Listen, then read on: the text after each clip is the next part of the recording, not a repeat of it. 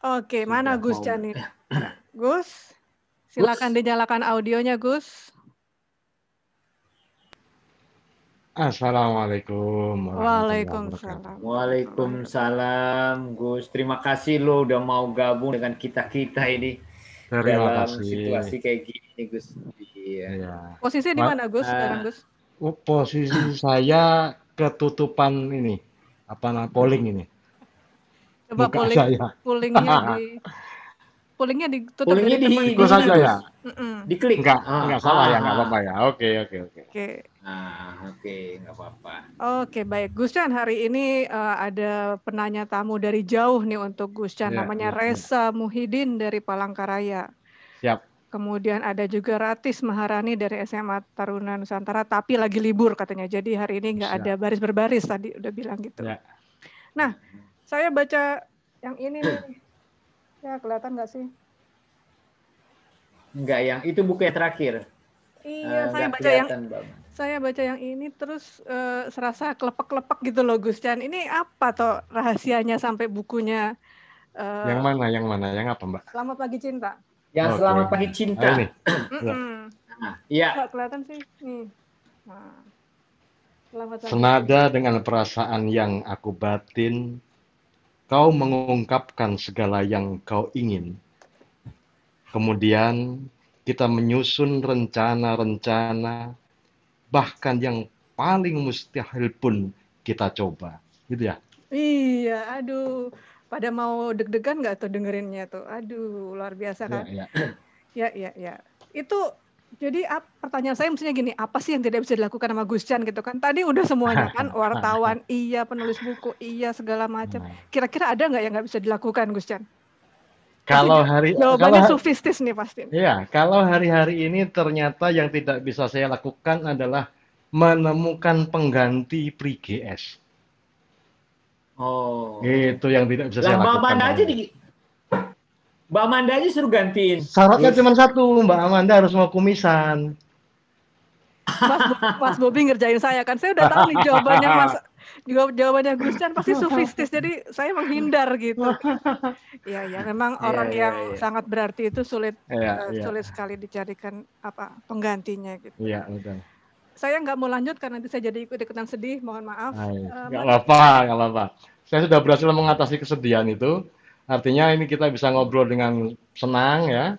Memang Pri Pri GS tidak perlu diganti. Bahkan ketika hidupnya, saya sudah bilang, Mas, usiamu udah 50 tahun ke atas. Kalau sudah 50 tahun ke atas itu bisa ditukar 25-an dua loh. Bilang gitu.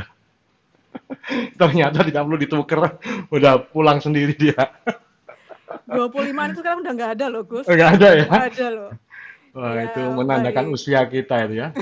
Bercandaannya udah sesuai umur. Bagi Bapak Ya. Ibu teman ngobrol yang mau bertanya kepada Gus Chan, saya persilakan untuk mengisi kolom Q&A Ya. di bawah itu. Sekarang saya mau kasih kesempatan dulu nih untuk eh, penanya tamu kita. Mbak, Mbak. Mbak, saya saya mau nanya dulu boleh gak Mbak? Karena ini ini berkaitan dengan eh, rekannya Gus Chan ya. Eh, boleh kan ya? Ya, boleh, Eh, silakan. Gus Chan. Ya. Eh, berkaitan dengan kehilangan sahabat Gus Chan beberapa hari lalu. Ya. Ke- Kebetulan saya membaca di dalam buku Gus Chan yang berjudul Mengislamkan Islam. Ya. Ya, mengislamikan Islam. Chandra Malik. Ya. Mengislamikan. Oh ya inya Ya. kelihatan. Mengislamikan Islam ya. Ya, ya. Khususnya bab 23 Oke. yang eh, judulnya Gus Dur, musuh bersama dan kita. Nah, Ya. ada satu kalimat yang menurut saya menarik. Kau, aku, dia, kalian, mereka, kita adalah Gus Dur. Ya, kita semua yang seharusnya jadi Gus Dur, bukan hanya meneriakan rindu dan menunggu. Nah, Ya. ini kaitan tadi berkaitan juga kita sudah kehilangan sosok Gus Dur, ya. Lalu Gus Chan sampai menemukan rumusan kalimat ini. Ini dapat Ya. idenya dari mana, Gus? Ya, ini bermula dari pemikiran ketika saya pertama kali diajak oleh teman-teman untuk membantu Mbak Alisa Wahid mendirikan Gus Durian. Pada saat itu saya memberi masukan kepada Mbak Alisa Wahid dan teman-teman bahwa Gus Dur tidak tergantikan. Gus Dur tidak akan dilahirkan kembali. dan bahkan Gus Dur sudah selesai. Yang oleh karena itu sebaiknya kita harus memulai pembicaraan baru. Ya. Kita harus memulai menjadi perwujudan dari Gus Dur, Gus Dur berikutnya daripada menghabiskan waktu dan tenaga untuk hanya merindukan Gus Dur. Karena yang diberikan oleh Gus Dur kepada kita itu tongkat estafet. Hmm. Ya. Kita tidak perlu tidak tidak perlu terlalu mengagumi pelari sebelumnya. Yaitu Gus Dur. Gus Dur sudah ngatong-ngatong kita tongkat ini, Mas. Dan candaan cepet-cepet segera diterima nih tongkat. Jangan mengagumi Gus Durnya terus. Nanti kita akan kehabisan banyak hal. Kehilangan banyak kesempatan kalau kita menghabiskan energi untuk mengagumi pelari sebelumnya. Yang harus kita lakukan adalah segera menerima tongkat itu dan meneruskan perjuangan kita mencapai garis finish. Begitu, itu. Mas Oke, baik terima kasih nih Gus. Uh, ya. Gus Chan atas uh, jawabannya. Dan saya nggak mau mengambil porsi dari penanya-penanya tamu. Uh, silakan. Ya. Takut saya marahin ya. Mbak Amanda. Takut udah dilihatin. Oke. Oke, mungkin uh, saya kasih kesempatan buat Ratis dulu ya. Resa sabar ya, cewek dulu ya. Apa sih Manda ini kok tiba-tiba bias gender? Silakan Ratis. Ini hmm. dari SMA Taruna Nusantara kelas SMA. 12 ya kalau nggak salah ya. Ratis. Ya. Ratis ya. Assalamualaikum Gus, nama Waalaikumsalam. Ya. Saya asal Blitar tapi sekolahnya di Magelang di Jawa Tengah juga. Ya, ya. Gini Gus. Mau tanya Gus. Ya. Dulu kan Gus sudah mulai nulis sejak SMP, ya. terus kemudian berlanjut hingga besar menjadi seorang penulis sufi seperti ya. Bagaimana Gus cara Gus itu menemukan inspirasi menulis di usia muda dan kemudian kenapa sih harus sufi? Oke, okay, ya, ya. Saya pernah mendapatkan pertanyaan yang lebih dahsyat lagi, yaitu Gus bagaimana menjadi penulis yang cepat terkenal? ya. Saya jawab, wah pertanyaan Anda itu sudah salah. Anda salah sejak dari pertanyaan. Kalau mau cepat terkenal, jangan jadi penulis. Jadilah YouTuber. Ya. Ya kan? Karena menjadi penulis itu tidak dimaksudkan untuk menjadi terkenal. Saya termasuk penulis yang mohon maaf sama sekali tidak rewel tentang royalti. Karena saya tahu berapa sih hasilnya royalti itu. Hah? Itu ongkos nunggu sama ongkos jengkel itu lebih gede ongkos jengkel itu nanti. Nunggunya udah tombok, ya jengkelnya tambah tombok itu nanti. Sudahlah, ya. Yang saya terima dengan bulat-bulat 100% adalah pesan dari Maha Guru kita, ya. Pramudia Anantatur. Menulis adalah bekerja untuk keabadian maka untuk urusan kefanaan saya tidak serahkan pada kepenulisan. Ya. Saya tidak akan serahkan itu. Kefanaan itu untuk senang-senang saja. Sedangkan kepenulisan itu untuk keabadian. Jadi kalau saya mau cari duit, ya saya nge-host humor sufi, ya saya nyanyi, saya terima undangan, itu cari duit. Itu lebih cepat daripada nulis buku ini. Angel nulis buku. Lapo sampai pengen jadi penulis itu? Buat apa? Kalau cita-citanya cepat terkenal, cepat kaya, dan lain sebagainya. Maka menulis adalah bekerja untuk keabadian. Itu artinya meluruskan niat sejak awal menjadi sungguh penting. Dan itu sudah jadi bagian dari proses kreatif menulis. Hmm. Kamu niatkan untuk apa kamu menulis itu? Ya. Saya pernah juga mendapatkan apa message contohnya Gus, tolong doakan saya bisa berangkat haji. Oh ya, insya Allah bisa berangkat haji, alhamdulillah, Bismillah gitu ya. Tapi ini belum punya uang bahkan Gus untuk daftar UNH. Loh, itu sampai sudah berangkat loh. Sejak dari niat itu sudah berangkat.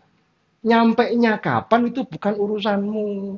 Itu urusannya Tuhan. Ya, jadi semua itu harus dimulai dari niat. Niatnya untuk apa? Jadi saya termasuk orang yang sama sekali tidak pernah ribut buku saya laku apa enggak. Sampai coba nanti Mas Bobi atau teman-teman PBK, pernah enggak Chandra Malik tanya bukunya laku apa enggak, royaltinya bagaimana? Lawang buku saya sudah terbit saja saya, belum tanda tangan kontrak ya. Eh. So, kadang sudah dikirimi saya masih bingung loh, tadi taruh di mana ya kontraknya dia. Saya membebaskan diri dari pikiran-pikiran selain menulis. Menulis itu untuk keabadian, keabadian, maka niat yang paling baik ya hanya lillahi ta'ala. Tidak ada niat lain. Dan itu saya rintis sejak saya sekolah menengah pertama. Meletakkan dasar pemikiran, perasaan tentang pilihan hidup saya menjadi seorang penulis. Itu yang mengantarkan saya sampai pada hari ini alhamdulillah sudah ada beberapa belas buku menulis dengan sedemikian mudahnya. Ya. Sampai-sampai seorang uh, penyair Mas Hasan Aspahani penyair besar itu dari Riau ya Mas Hasan Aspahani mengatakan bahwa Chandra Malik itu tidak menulis puisi Chandra Malik itu memuisi Chandra Malik tidak pernah menulis syair Tanda Malik itu menyair. Apa pun yang dia ucapkan itu syair. Ya, apa pun yang dia katakan seketika menjadi puisi. Dan memang seperti itu kenyataannya. Jadi ketika saya ditanya Gus rumusnya bagaimana begini begini begini, saya akan cenderung berbohong. Mengapa? Karena semua rumus itu tidak berlaku bagi saya pribadi. Ya, saya diminta menjadi pemateri kelas-kelas ini, saya akan mulai berbohong. Karena seluruh cara itu tidak pernah saya gunakan. Ya. Memang pantas-pantas saya kudunya anak teori ini ini Yo, ya melu pantas-pantas saya orang umum. Tapi saya menulis buku Makrifat Cinta contohnya, Makrifat Cinta. Itu saya menulisnya dalam tiga hari. Ya, tiga hari aja nggak genep itu tiga hari, dua setengah mungkin. Ya, itu buku pertama saya yang di situ mendapatkan kata pengantar kalau tidak salah dari 10 guru besar. Ya. Pada waktu itu buku pertama itu yang meminta Mas Haidar Bagir ya. Saya bilang ini buku sudah selesai ditulis tapi belum siap dilahirkan. Ya. Mengapa? Karena di situ ditulis saya Chandra Malik budayawan sufi. Ya. Kemudian judulnya ngedapi-dapi makrifat cinta. Ya ini buku adalah pertanggungjawaban publik. Pertanggungjawaban publik. Ini buku bukan buku pribadi lagi ketika sudah dilahirkan. Maka sebelum dilahirkan, dia harus menjalani uji materi dulu. Ya, harus lulus sidang dulu cara orang kuliah ya. Maka untuk buku sekelas Makrifat Cinta yang kata orang-orang itu masterpiece-nya Chandra Malik, saya menyatakan pada penerbit pada waktu itu, ini harus diadili dulu oleh para guru besar di bidang tasawuf, di bidang filsafat, di bidang teologi. Saya meminta beberapa nama. Bahkan sampai Buya Syafi'i Ma'arif, ya, Kiai Said Akil Sirot, dan nama-nama besar lainnya. Profesor Damar Jati Supajar. Nama-nama besar di bidang tasawuf, teologi, filsafat saya minta untuk mengadili buku Ma'rifat Cinta pada waktu itu. Bahkan sekedar menyobek-nyobeknya di depan saya pun saya ikhlas itu berarti sudah disentuh oleh tangan-tangan keramat. Ya. Saya keliling sendiri itu, saya keliling sendiri, minta beliau-beliau uh, Profesor Munir Melukan, uh, nama-nama besar di bidang tasawuf. Dan ternyata beliau-beliau berkenan untuk memberikan tidak hanya apa endorsement, tapi bahkan kata pengantar. Tradisi ini pun saya lanjutkan sampai sekarang saya jalan sendiri, bukan penerbit. Saya jalan sendiri untuk meminta endorsement-endorsement ini. Karena ini bagi saya semacam pengadilan publik. Sebelum sebuah karya itu layak untuk dilahirkan. Ya. Nah, kalau kemudian ini sebenarnya satu pertanyaan saya kuat jawab tiga jam Mas Bobi. Sampai tinggal tur turatur wes Iya iya iya. Iya saya. Ya. Oke Gus. Nanti, uh, mungkin jawabannya nggak bo nggak boleh panjang-panjang ya Gus karena banyak nanti yang ini bukan saya kulin, coklat ini Gus. Juga saya kulin kulino ceramah Mas di konten suami sampai subuh. Makanya. Nah, ya. soalnya yang lain nggak akan mengajukan banyak pertanyaan, jawabannya nggak usah ya. panjang-panjang. Ya. Oke. Okay.